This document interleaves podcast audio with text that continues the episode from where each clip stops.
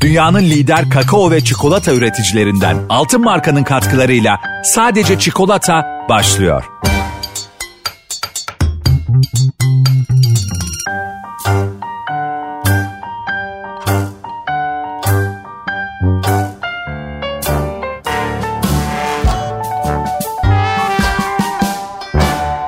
Sadece Çikolata'ya hoş geldiniz. Bugünkü bölümün konuğu e, gastronomi yazarı Ebru Erke. Ebru Hanım'ı aslında e, hem gazetelerdeki köşe yazısından, çıkardığı kitaplardan ve aynı zamanda televizyon programlarından çoğumuz tanıyoruz. Kendisi e, gastronomiyi ve seyahati çok güzel bir şekilde harmanlayan çok değerli bir isim. Ebru Hanım hoş geldiniz.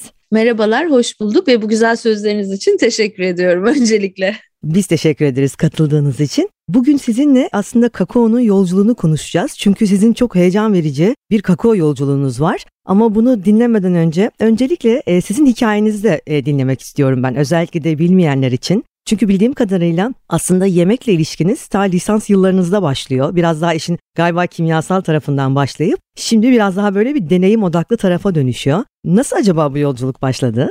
Evet aslında gıda mühendisiyim. Ege Üniversitesi gıda mühendisliği mezunuyum ve benim dönemimde sadece 3 tane okulda gıda mühendisliği vardı. İTÜ, ODTÜ ve Ege. Sonradan işte pek çok e, bölüm şey vermeye ya yani iki yıllık bölümler dört yıllığa döndü ve e, lisans eğitimi verdiler. Aslında o zamanlar başladı. Ben yemeğe hep meraklıydım. Öyle bir ailede büyüdüm çünkü. Bende de kendiliğinden e, malzemeye ve yemeğe bir ilgi doğdu. Çok güzel e, ve şu anda da gördüğüm kadarıyla yani hem Türkiye içinde hem e, dünyada e, çok ilginç yerlere seyahatler de yapıyorsunuz ve aslında bu yemeğe olan ilginizi ve aynı zamanda mesleğinizi seyahatle de harmanlıyorsunuz değil mi?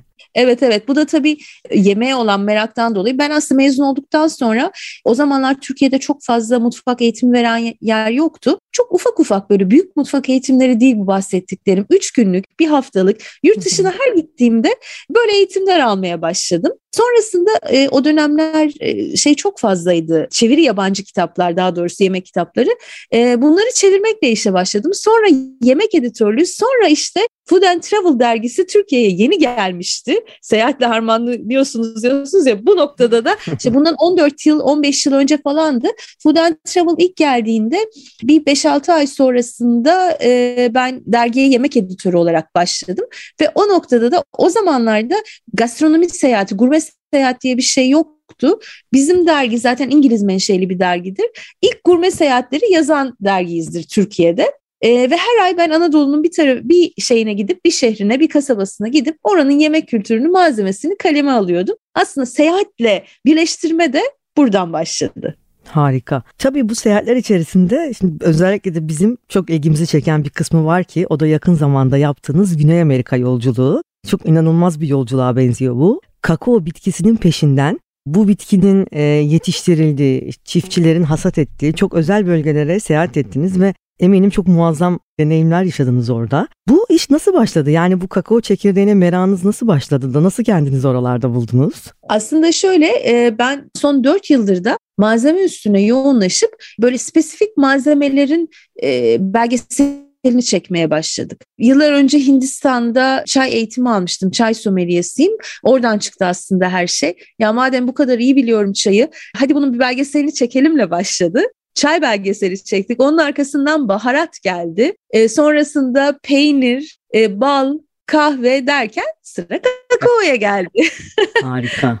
ya mutlaka ki özel olarak ya özel bir başlık olarak incelenmeyi fazlasıyla hak ediyor kakao ve çikolata. E, e tabii bu konuya girince de istikametimiz Latin Amerika oldu.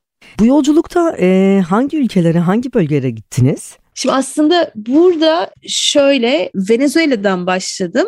Venezuela, Peru e, ve buralarda bayağı uzun kaldık. Yani hani en az bir hafta 10 gün kaldık bu lokasyonlarda. E, Venezuela, Peru ve Meksika. Tabii bu e, yani hem kakao bitkisinin yetiştiği yerleri yakından gördünüz hem de bu bitkinin kendisini en ham halini de yakından görme hatta tatma şansınız da olmuş. Ee, ben sizin programlarınızı da izledim. Bize bir, birazcık bu bitkinin yetiştiği koşullardan, iklimden, orayı böyle yakından deneyimlemiş biri olarak bahsedebilir misiniz? Çünkü her ne kadar biz uzaktan biliyoruz işte biraz daha tropik bölgelere ihtiyacı var yetişmesi için, daha farklı koşullara ihtiyacı var. Ama tabii yerinde görmek farklıdır. Nasıldı oralarda durum? Çok inanılmazdı. Çünkü e, aslında şöyle genel olarak bir malzeme bize ne kadar uzaksa o kadar ilgimizi çekiyor. Evet. E, o kadar otantik geliyor. E, kakao bize e, evet çikolatayı çok seviyoruz belki ama e, meyve olarak kakao hiç alışık olduğumuz bir şey değil e, ve çoğumuz çok büyük bir çoğunluğumuzda hiç hayatında görmedi ve görmüyor. Dolayısıyla aslında benim de e, tazesini ilk defa gördüğüm bir seyahatti. Çünkü zaten hani tazesini alayım, getireyim, işte evde saklayayım falan böyle bir şey olmuyor. Çok çabuk çürüyor, çürümeye başlıyor. Oksidasyon ve arkasından kendi kendine bir fermentasyona giriyor ve hem kötü bir koku hem de çürüme meydana geliyor. Dolayısıyla ağaçtan kopardıktan sonra özel bir işleme tabi tutmak gerekiyor. Yani tazesini yetiştiği yerler dışında görmek ve bulmak zaten imkansız. Dolayısıyla benim de bu bitkiyi ilk defa gördüğüm ve bu kadar haşır neşir olduğum bir seyahatti. E, çok etkilendim, inanılmaz ve e, her yerde, her bölgede, ülkeyi demiyorum, ülke içindeki bölgelerde de çok farklı varyasyonlarını görüyorsunuz ve bir çekirdek yani bir pot dediğimiz o kakao podu, kakao meyvesi bir tanesi diğerine benzemiyor. Yani Venezuela'daki bambaşkaydı, e, Peru'ya gittiğimde e, hem çok farklı bir kültür e, bununla ilgili hem de bambaşka bir e, çekirdekle karşılaştım. Meksika'ya gittiğimde çok cazip değildi mesela şeyler çok ufaktı kakao e, meyvesi fakat müthiş bir kültür vardı. Zaten biliyorsunuz kakaonun da çıktığı yer e, çikolatadan öte bir kültür var kakao ile ilgili Meksika'da. Bunların evet. hepsine e, şahit olmak tabii çok çok keyifliydi ve böyle kendi içimde orada da öyle seyahatte de ve döndükten sonra da acaba kakao favori kakao çekirdeğim hangisiydi? Rengi iyi olanlar mı, şekli büyük olanlar mı? Böyle düşünmeye başladım. E, hem lezzet hem de görünüm açısından hepsi birbirinden çok farklıydı. Çok güzel değindiniz buna. Ben de bunu soracaktım aslında. Yani bu e, her ne kadar benzer iklimler, bölgeler de olsa e, çekirdeklerin tadı da muhakkak değişiyordur. Orada e, tadımlar da yaptınız muhtemelen. Evet. Bu farklılıklar nasıl oluyor peki? Yani örneğin tabii yetiştiği konum, etrafındaki bitki örtüsü, e, iklim koşulu bunlar mı etkiliyor? Bu farklılıkları siz mesela tadarken de yakalayabiliyor muydunuz orada? Evet evet aslında her üründe olduğu gibi terroirın çok fazla önemi var tabii. Genel anlamda e, baktığımızda temelde baktığımızda iki tane kakao çekirdeği var. Criollo ve Forastero ve bütün dünyadaki çekirdekler, kakao meyveleri bunlardan türemiş. Ama kendi içlerinde çok özel varyasyonlar yaratanlar da var iklimden dolayı. Mesela bunlardan bir tanesi e, Venezuela'daki Chuao çekirdekleri, Chuao kakaosu. Bütün dünyada çok meşhurdur bu. E, Venezuela'ya gitmemin iki sebebi vardı. Bir tanesi bu Chuao çekirdekleri çünkü dünyanın en iyi ve en bilindik çikolata ustaları hep şeydedir ya Madagaskar'ın peşindedir ya da bu Chuao çekirdeklerinin peşindedir. Dolayısıyla bu arada Madagaskar'a da çok gitmek istiyordum ama Covid mevzusundan dolayı maalesef ah. Afrika'ya giriş yapamadık o dönem. Madagaskar benim çok sevdiğim bir yerdir bu arada bunu da söylemiş olayım. Chuao'ya e, dediğim gibi iki gitme sebebim vardı Venezuela'ya. Bir tanesi Chuao, diğeri de bir şef, kadın bir şef. Maria Fernanda de Giacobe diye bir kadın şef ve ömrünü kakaoya adamış bu kadın.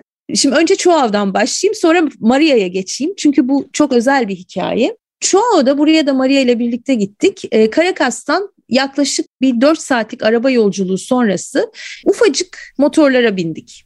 Çoğu denen bölgeye arabayla ulaşım imkansız. Aslında bir yarımada, ada değil ama e, çok tropik bir ormanın kıyısında, deniz kıyısında ve e, yerli halk da yol açılmasını istemiyor. Oradaki kültürün bozulmaması için. Ve oradaki halkın tek geçim kaynağı kakao ve balıkçılık. Erkekler balıkçılık yapıyor, kadınlar da kakao ile ilgileniyor. Ve tek bir köy var. Bir tane sahilde balık tuttukları böyle e, ahşap evlerin olduğu bir alan var. Bir de yaşadıkları bir köy var. Tabii her şeyin ritüel olduğunu görüyorsunuz orada. Yani sadece biz bulunduğumuz için değil, şeyleri e, kakaoları kestikleri aletleri omuzlarına koyup şarkı söyleyerek gidiyorlar kakao tarlası. Yani onlar için bir eğlence hepsi. Artık buna döndürmüşler. Yani işte tarlada çalışmaya gidiyorum, stresi yok. Onu görmek çok enteresan ve keyifliydi benim için. E, birlikte tarlaya gittik. Şarkılar söyleyerek o kakaoları kestik. Biri kakaoyu kesiyor, öbürü tarlada. Bu arada kakao kesildiği an genelde tarlada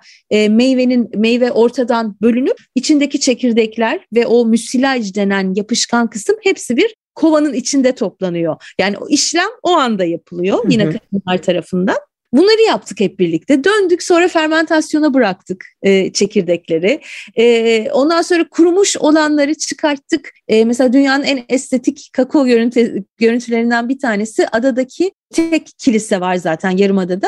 Kilisenin önünde bir kurutma alanı yapmışlar kendi kendilerine. Yine şarkılar söyleyerek onları böyle dairesel biçimde diziyorlar. Onları dizdik. Hepsini işte kuruttuk, harmanladık, taşıdık falan. Full bir gün onlarla geçirdim ve inanılmazdı. Lezzete gelince ilk çekimi orada yaptık ve orada öğrendim. Aslında ham kakao çekirdeğinin tadını çekirdeği kesip de yediğinizde almıyorsunuz. Zaten kestiğinizde çok taze ve genelde içi e, mor ve lila rengi bir şeyle karşılaşıyorsunuz ham kakao çekirdeğinde. Hı hı. İçinde müsilaj denen o yapışkan kısım vardır. Fermentasyonu da hızlandıran ve hafif şekerli bir kısım. Kakao çekirdeğini ve kakaonun karakteristik tadım özelliklerini o sıvıdan anlıyorsunuz. yani çok şeyi aldığınız zaman kakao çekirdeğini kesilmemiş ham halde e, ağzınıza attığınız zaman Ağzınızın içinde biraz çeviriyorsunuz ve döndürüyorsunuz ve ondan sonra çok enteresan tatlar bırakıyor. Mesela Chuao'daki hafif narenciye tatları ama narenciyenin yanında da çok enteresan Yasemin benzeri bir çiçek vardı mesela o florada. Onun tadını da alıyorsunuz. Bunları görmek tabii çok şey çok yapıyor. Yani daha da merak ettiriyor insanı. Acaba sonrakilerde ne tadacağım, ne göreceğim diye. Dolayısıyla zaten fermentasyon olup kuruduktan sonra e, çekirdeğin o özelliği, karakteristik özelliği, tadım özellikleri çok değişiyor. Yani o çiçeksi notları falan almak çok kolay değil. Onu ancak e, hamken alabiliyorsunuz. Çok zor görünüyor ama aslında çok kolay ve çok zevkli. Ham kakao çekirdeğinin bu e, tadım özelliklerini anlayıp ifade edebilmek. İsterseniz Venezuela'daki ikinci hikayeye geçeyim. Çok sevinirim. Ki bu dünyadaki en özel kakao hikayelerinden bir tanesi. Ee, Maria Fernanda bundan sanırım 6 yıl önce, 6 ya da 7 yıl önce tam hatırlamıyorum ama Basque Culinary Center vardır İspanya'da ve dünyanın en iyi şefleri e, yönetim kurulundadır bunun. San Sebastian'da Basque Culinary Center. Burası e, sosyal gastronomi alanında ödüller vermeye başladı işte dediğim gibi 7 yıl önce falandı ve bir takım adaylar e, ilk yıl bir takım adaylar vardı. Hepimiz aa sosyal gastronomi nedir nasıl oluyor yeni yeni öğrendiğimiz zamanlardı. Sosyal gastronomi gastronomiyi aslında toplumun faydası için ya da insanların faydası için kullanım bilme şekli en basit anlatımıyla bu. Ve o yıl Maria Fernanda birinci oldu hikayesiyle. Hı hı. Ben 6 yıldır takip ediyorum ve o kadar çok istiyordum ki tanışmak. Yazışmaya başladık Maria Fernanda ile ve emin misin dedi Venezuela'ya geleceğine. Evet dedim. Ama dedi kimse gel burası turistik bir yer değil. Kimse gelmiyor. Ben senin kişisel olarak güvenliğini sağlarım ama çok zorlu, çok kolay bir yolculuk olmayacak. Biraz zorlanacaksın, farkındasın. Hiç önemli değil dedim. Çünkü çekimlerin hiçbiri e, o ekranda yansıdığı gibi değil. Arka tarafta çok büyük zorluklar oluyor gerçekten. Hiç önemli değil. Ben gelmek istiyorum dedim ve direkt Maria için gittim Venezuela'ya. Maria şunu yapmış. Bundan 20 yıl önce e, işte bu ülkede e, yönetim değiştiği zaman, iktidar değiştiği zaman insanların çoğunun kakao tarlalarında, kakao tarlalarına el koymuşlar plantasyonlarına. Ve en vurucu nokta da birçok insanın aslında gelir kaynağı kakao iken kakaonun ihracatı yasaklanmış ülkede. O topraklara el koyabilmek için. Böyle maalesef kötü bir sistem ve e, ihracat e, yasaklanınca halkın elinde kalıyor kakao. Ne yapacağını bilmiyorlar. Maria da normalde tatlı şefi, pasta şefi ya da çikolata şefi değil. Maria bir şef. Kakao çiftçilerine nasıl çikolata yapacaklarını öğretiyor. Yani insanlar kendi kakaolarını işleyip kendi çikolatalarını yapmaya başlıyorlar ve Bean to Bar'ın en çok geliştiği yer bugün Venezuela ve en çok küçük çikolata üreticisinin olduğu yer yine Venezuela. Ee, ve evet bu insanlara aslında yeni bir meslek kazandırmış ve çikolata ihracatı bu arada yasak değilmiş ve hepsi kendi çikolatasını ihraç etmeye başlamış ve tekrar para kazanmaya başlamışlar. Ee, çok muazzam bir hikaye. Teşekkür ederiz bize de bunu anlattığınız için. Ee, çok ilham verici kesinlikle. Ee, aslında bu yine de güzel bir noktaya değindiniz. Çünkü ben bu çiftçilerin aslında bakış açısını da merak ediyordum. Özellikle de seyahat ettiğiniz bölgelerde. Ee, biraz işin kültürel tarafını da öğrenmek istiyorum. Yani evet bu bir gelir kaynağı ama işte bir takım seremoniler var diyorsunuz. Hani bundan keyif de alıyorlar diyorsunuz. Yani aslında bu işe bakış amaçları sadece tarım yapalım ve işte gelir kazanalım değil. Biraz böyle e, köklerden gelen duygusal bağlar da var galiba kakaoya karşı. Doğru mu anlıyorum? E tabii tabii ama bu bunu şeyde görüyorsunuz. O bitki o ülkede ne kadar eskiyse e, kültürde o kadar yerleşmiş oluyor. Yani e, bunu ben Meksika'da gördüm. Yani Afrika'da bunu çok fazla göremiyorsunuz mesela. Hani e, insanlar bunu iş için ve gerçekten para kazanmak için yapıyorlar. Evet hayatlarının bir parçası çok bağlılar ama esas kültürün yerleştiği yer o bitkiyi asırlardır işleyen topraklar ve e, çok daha ötesinde o bitkiyi tanıyan topraklar ki bu da aslında Meksika. Bizim için herhangi bir meyveden e, veya çikolatadan çok daha ötesi kakao. Yani biz her şeyi veririz. Daha doğrusu şöyle demişti. E, Meksika'nın en büyük kakao üreticilerinden, çiftçilerinden bir tanesiyle çekim yaptım ben. Tabasco bölgesinde. Bu arada biz Tabasco'yu hep acısıyla biliriz ama evet. hayır. Tabasco, Meksika'nın Tabasco bölgesi kaliteli kakao çekirdekleriyle, kakao meyvesiyle ünlü. Çok fazla kakao üreticisi olabilir. Dünyada şu anda işte 15-20 ülke üretiyor olabilir. Bu 30'a çıkabilir. Bugün siz de üretebilirsiniz ama hiç kimsenin sahip olamayacağı bir şeye sahibiz biz dedi. Kültüre Bizim kültürümüz hiçbir yerde ve hiç kimsede yok. Biz bunu e, kuşaklardır hatta geriye doğru sayamadığımız kadar eski ya da işte 50 kuşaktır, 60 kuşaktır e, biz bunu nasıl kullanacağımızı biliyoruz ve kültürümüzün içine işlemiş bizim kakao. Yani her şey en iyi kakao çekirdeği de üretebilirsin ama bendeki kültüre sahip olamazsın diyor özetle Meksikalı ve çok da doğru. Çok güzel ve bunu korumaya çalışmaları da e, çok ilham verici. Yani Azteklere kadar uzanan aslında bir hikayeden bahsediyoruz burada.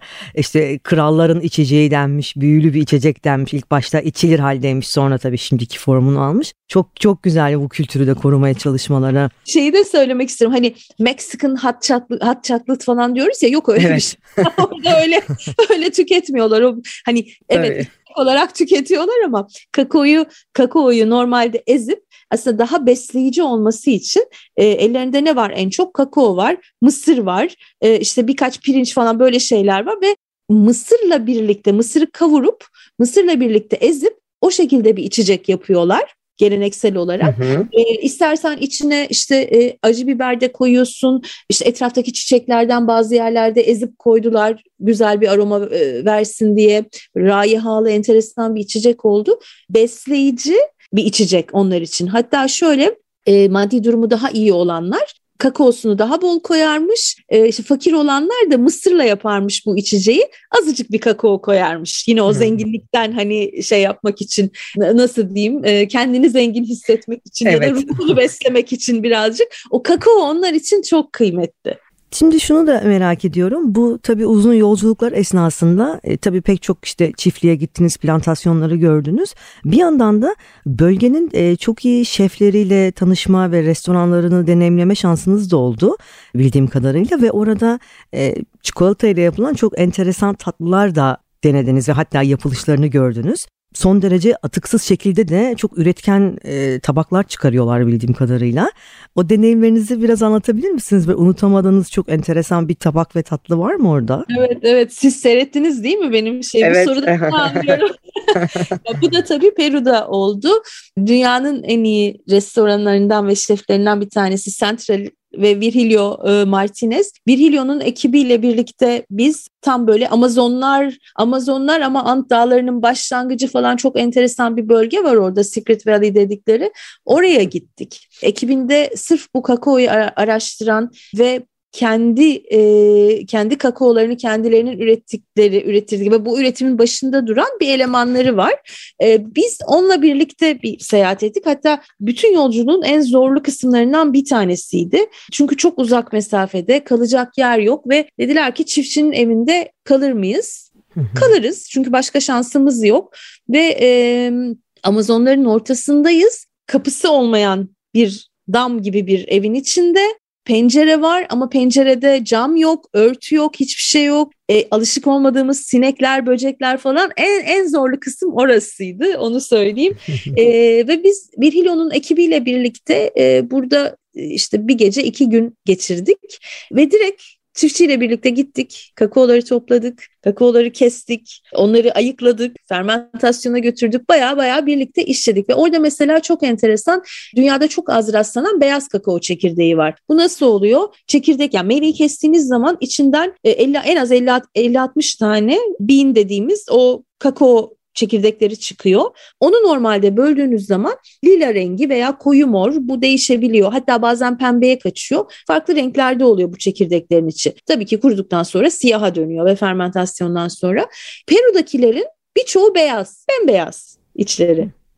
White bean diyorlar. Bu dünyada başka bir yerde pek rastlanmıyor. Özellikle bu white bean'lerin peşinden gittik.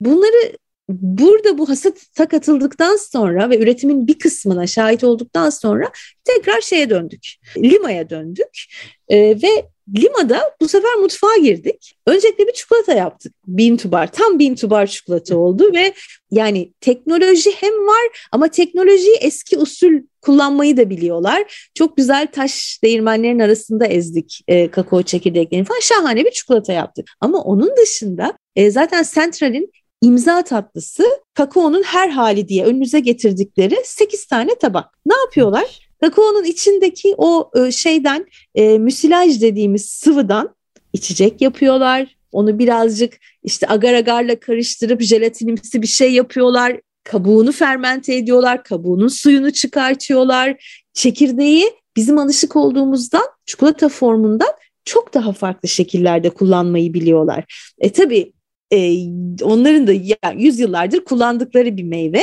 Tabii. E, belki bu kadar şey değil. Bu arada e, çiftçiler de o müsilajı enerji veren içecek niyetine kullanıyorlar. Yani çocuklarına falan içiriyorlar müsilajı. Yani bu hani atalardan, dedelerden böyle bir şey var ama şimdi yeni şeflerin elinde yeni tekniklerle bunlar çok daha fazla şekilleniyor. İşte atıksız mutfak diyoruz ya bütün dünyada var aslında bu atıksız mutfak. E, o da o kakao çekirdeğini hiç ziyan etmeden her bir parçasını bazen fermente ederek, bazen kurutup cipsini yaparak bambaşka şekillerde önünüze koyuyorlar.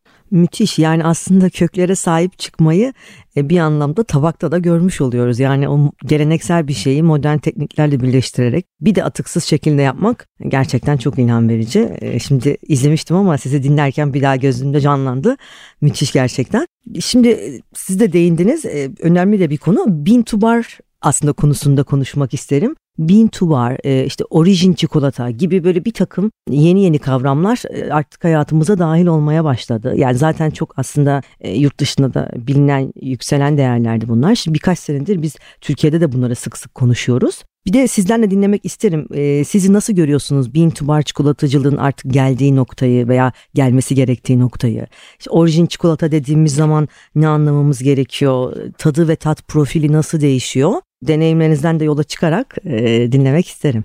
Şimdi Bean to Bar tabii e, çekirdekten tablete her bir aşama kontrol altında oluyor. Yani çekirde e, üretici çekirdek alımını da kontrollü bir şekilde yapıyor ve üretmek istediği çikolataya göre seçiyor çekirdeğin cinsini. Ondan sonraki her aşamada kontrollü gidiyor. Orijin çikolataya geldiğimizde şimdi bir şeyi tek menşeli yapmak o ürünün karakteristik özelliklerini anlamamız açısından çok önemlidir. Ama her orijin ürün çok iyi olacak diye bir şey de yoktur. İşte bu noktada harmanlamaya gidilir. Harmanlandığı zaman aslında en iyi bir ürünü hiçbir zaman başka bir şeyle harmanlamazsınız. Ortaya iyi bir ürün ya da daha farklı lezzette iyi bir şey çıkartmak istediğinizde birkaç şey harmanlayıp o iyiyi elde edersiniz. Yani siz şimdi şahane bir chuao kakao, kakaosunu zaten tek başına vermek istersiniz. Onun bütün özelliklerini yansıtmak istediğiniz için ve karakterini anlatmak istediğiniz için. Şimdi bir çuha kakaosuna herhangi Venezuela'da yetişen herhangi bir kakaoyu eklediğinizde ne oluyor? Onun kalitesi yükselmiş olmuyor. Tam tersine düşmüş oluyor. Ama birkaç tane orta kalitedeki çekirdeği birleşerek, birleştirerek çok daha iyi kalitede bir şey de yakalayabiliyorsunuz. O zaman bu harman çikolata oluyor. Yani özetle orijinde aslında bir ürünün karakterini çok daha net ve iyi bir şekilde anlayabiliyoruz. Teşekkürler. Peki şimdi buradan biraz da aslında Türkiye'ye geleceğim. Biz tabii ki e, sonuçta kakao bitkisinin e, artık öğrendik ki çok daha farklı iklimlerde ve sadece belirli ülkelerde yetişebildiğini biliyoruz. Ama işin bir de tabii e, işleme tarafı var ve Türkiye'de de aslında bu e, işte bayağı ilerledik. Burada da bir takım gözlemleriniz var. Nasıl buluyorsunuz ülkede geldiğimiz çikolatacılıktaki konumu? Şimdi ben hep şunu söylüyorum. Bir ürünü üretmek evet çok önemli. Ama o ürünle ilgili farkındalık, o ürünü işleyebilmek ve onunla ilgili bir kültür yaratabilmek de en az o ürün üretmek kadar önemli. Şimdi biz ben çekimlerimde siz e, programı izlediğiniz için e, gayet rahat anlatıyorum. E, 4 bölüm yurt dışındaydı. 5 bölümden oluşuyor Kako'nun yolculuğu. 4 bölüm yurt dışında bir bölüm Türkiye'de. Herkes şaşırdı. Aa bu kadar yeri geziyorsun gidiyorsun Türkiye'de niye çekiyorsun? Çünkü ben de ilk duyduğumda çok şaşırmıştım. Dünyanın en büyük kakao işleme fabrikalarından bir tanesi, e, daha doğrusu ikincisi hatta bir tanesi demeyeyim haksızlık olur. İkincisi Türkiye'de. Ve ben bunu duyduğumda çok şaşırmıştım. Ve hemen Altın Marka'nın hatta kapısını çaldım. Sizle birlikte bir çekim yapmak istiyorum. ne anlatabiliriz diye. Çünkü çok merak ettim. E, ve gerçekten orada yani şimdi tabii ki e, tarla e, tarlada ve çiftçiyle işin farklı boyutunu görüyorsunuz. Bin tubarda görüyorsunuz ama bir de işin daha gerçeksi bir boyutu var e, endüstriyel boyutu, e, büyük fabrikalarda, büyük tonajlarda işlenmesi ve çok hassas noktalar var bununla ilgili. Burada çok farklı bir yüzünü gördük. O büyük işleme üretimhanelerde, fabrikada daha doğrusu. Mesela bilmediğim çok fazla şey öğrendim. Ee, Birçok çikolatacıya çikolatanın zaten sıvı olarak hazır gittiğini öğrendim. Aa nasıl ya dedim. Kimse üretmiyor muymuş kendi kendine? Çok şaşırdım. Ee, yani bazen işte o şeylerle para çikolatalarla ya da baton çikolatalarla gidiyor üretimhanelere bazen de sıvı olarak gidiyor. Çok şaşırdım. E, tankerlerin içinde gidiyor. Bazen kutuların içinde gidiyor falan. Çok farklı şeyler gördüm güzel bir tecrübe. Dolayısıyla yani Türkiye'nin çikolata konusunda ve kakao işleme konusunda bu kadar önde olduğunu açıkçası ben de bilmiyordum. Bu tabii çok güzeldi ama bunun yanında bunun yanında çok küçük üreticiler de var. Mesela benim Venezuela'da e, ziyaret ettiğim Maria'nın ortağı var Chloe, Fransız. Chloe'nin Türkiye'de danışmanlık verdiği bir karı koca var. Çok Ay, Çok hoş. evet evet. Yani yeni ben hatta Venezuela'dayken Chloe şeye geliyordu. Paris'ten İstanbul'a geliyordu ve onları çok ufak çapta bu, bu insanların aslında işi bambaşka. Ya bunu para kazanmak için yapmıyorlar ama merak salmışlar. Chloe'den de danışmanlık almışlar ve kendi çekirdekleriyle çekirdeklerini satın almışlar ve onunla kendi kendilerine bin tubar yapıyorlar ve birkaç şefte de şef de yapmaya başladı geçtiğimiz yıl. İnsanlar şimdi Bean to Bar'a yeni yeni merak salıyor bizde. Bence daha gelişecek. Evet. Ya bu arada bilinç açısından da çok önemli. Yani bir ürünle ilgili bence küçük üreticide olmadı, olmalı. Sanayi tipi üretimde de en iyisini üretir, üretmeliyiz. E, bunlar oldukça alternatif çoğaldıkça ve üretim farklı skalaya yayıldıkça, tüketici skalasına yayıldıkça o ürünle ilgili bilinç de artıyor her zaman. Ve inanın Kesinlikle. tüketim miktarı da artıyor. Kesinlikle çok haklısınız. Ee, yani bir yandan tabii ki de büyük üreticiler olacak. O küçükler de destekleyerek aslında bu bilinci de arttıracaklar. Çünkü Bin Tubar gerçekten çikolata üreticiliğinde artık gelmesi gereken bir nokta. Ne kadar çok tanınırsa o kadar iyi dediğiniz evet, gibi. Evet. Peki kişisel olarak size bir şey sorayım. Tabii ki çikolatayla aranız çok iyi buradan bunu anlıyorum ama özellikle yani çok favori bir çikolatanız böyle ne bileyim çocukluğunuzdan hatırladığınız bir geleneksel tatlı olabilir var mı? Ee, ay bilmiyorum küçükken hep pralinli yerdik ya hemen o aklıma geliyor ama şöyle söyleyeyim bir de e, bitirmeden önce şimdi çikolata algımız da çok farklı ya bizim Değil çok mi? farklı. işte onların mesela e, Venezuela'da e, asla sütlü çikolata yeme. Onlar İsviçrelilerin icadı ve uydurması gözüyle bakıyorlar. e, ve asla süt tozu ya da süt ürünleri kullanmıyorlar.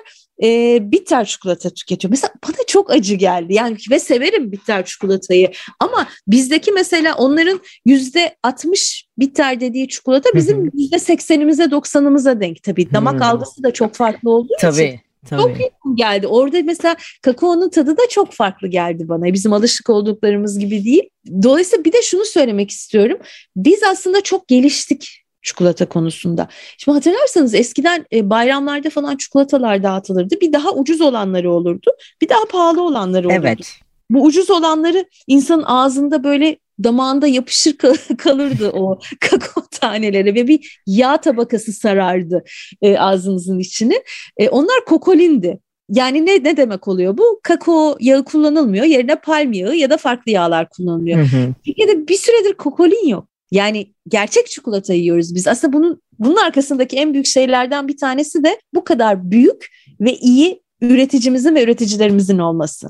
Çok doğru. Ben buna bağlıyorum. Çünkü gerçekten e, bir şeyi ne kadar çok üretirseniz hem dediğim gibi ürünle ilgili bilinç artıyor ve işte o Türkiye'deki fabrikayı geziyorum dediğimde de mesela asla böyle bir şey üretilmiyor.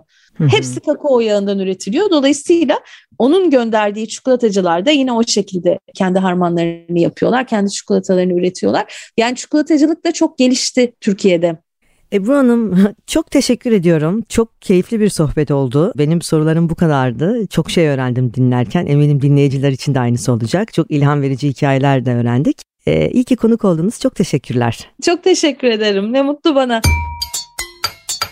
Dünyanın lider kakao ve çikolata üreticilerinden Altın Marka'nın katkılarıyla sadece çikolata sona erdi.